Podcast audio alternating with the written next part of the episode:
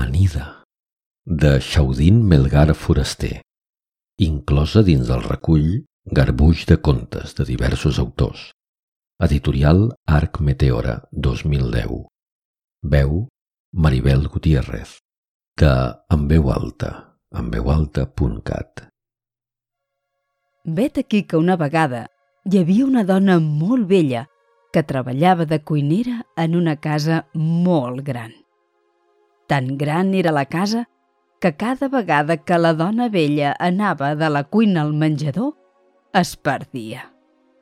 Entre passadissos i més passadissos, escales amunt, escales avall i sales per tot arreu, el seu viatge amb el dinar cap al menjador la duia sovint a les golfes o a la biblioteca.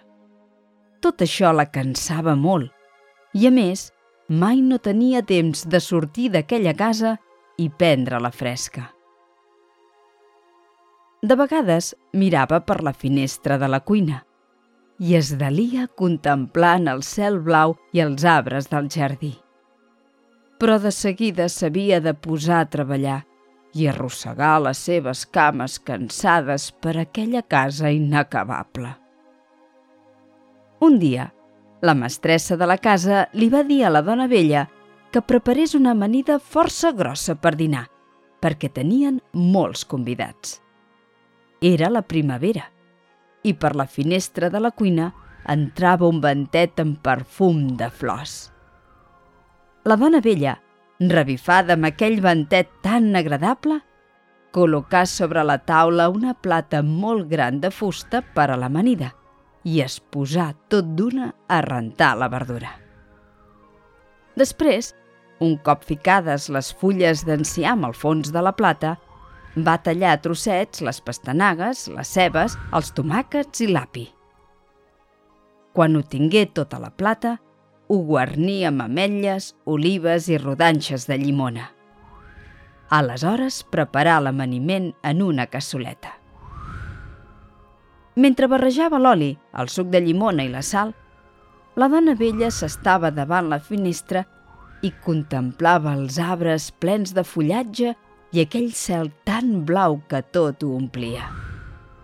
Va barrejar i va barrejar l'amaniment, tot aspirant el ventet dolç del jardí.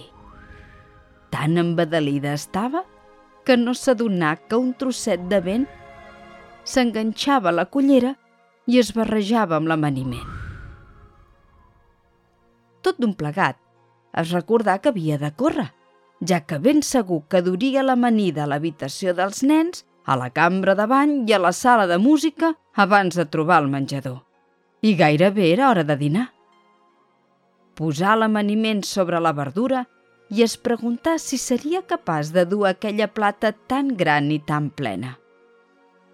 La va agafar amb les dues mans amunt i... No pesava gens! Va sortir de la cuina d'una revolada i es va perdre com de costum. La segona vegada que passava pel rebedor, la porta d'entrada era oberta.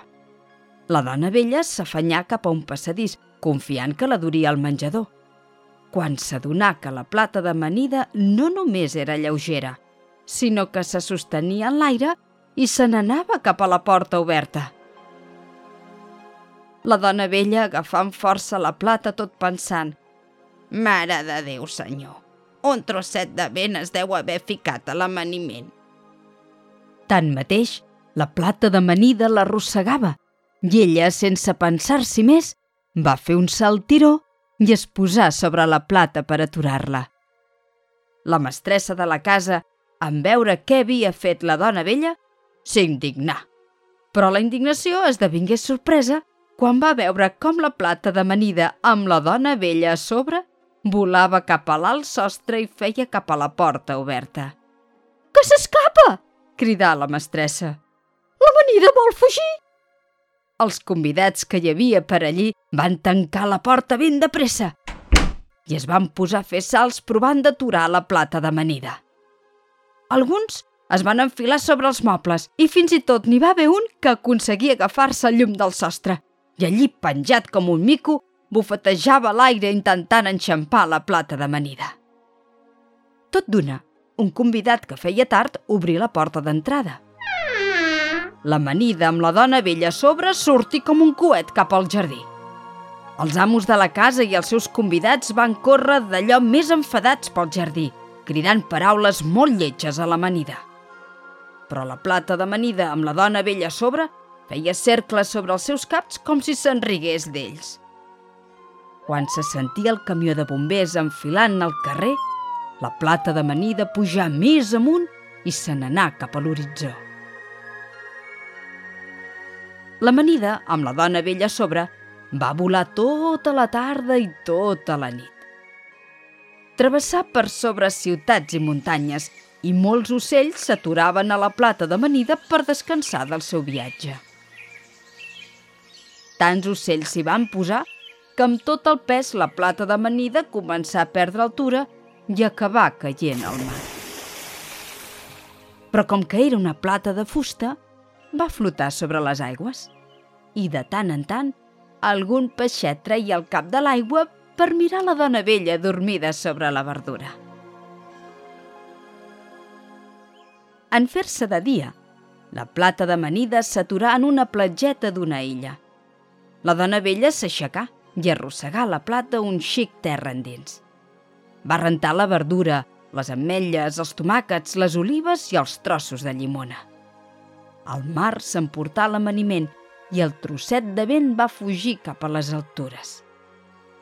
Aleshores, la dona vella va fer uns solcs a la terra i llançar l'amanida.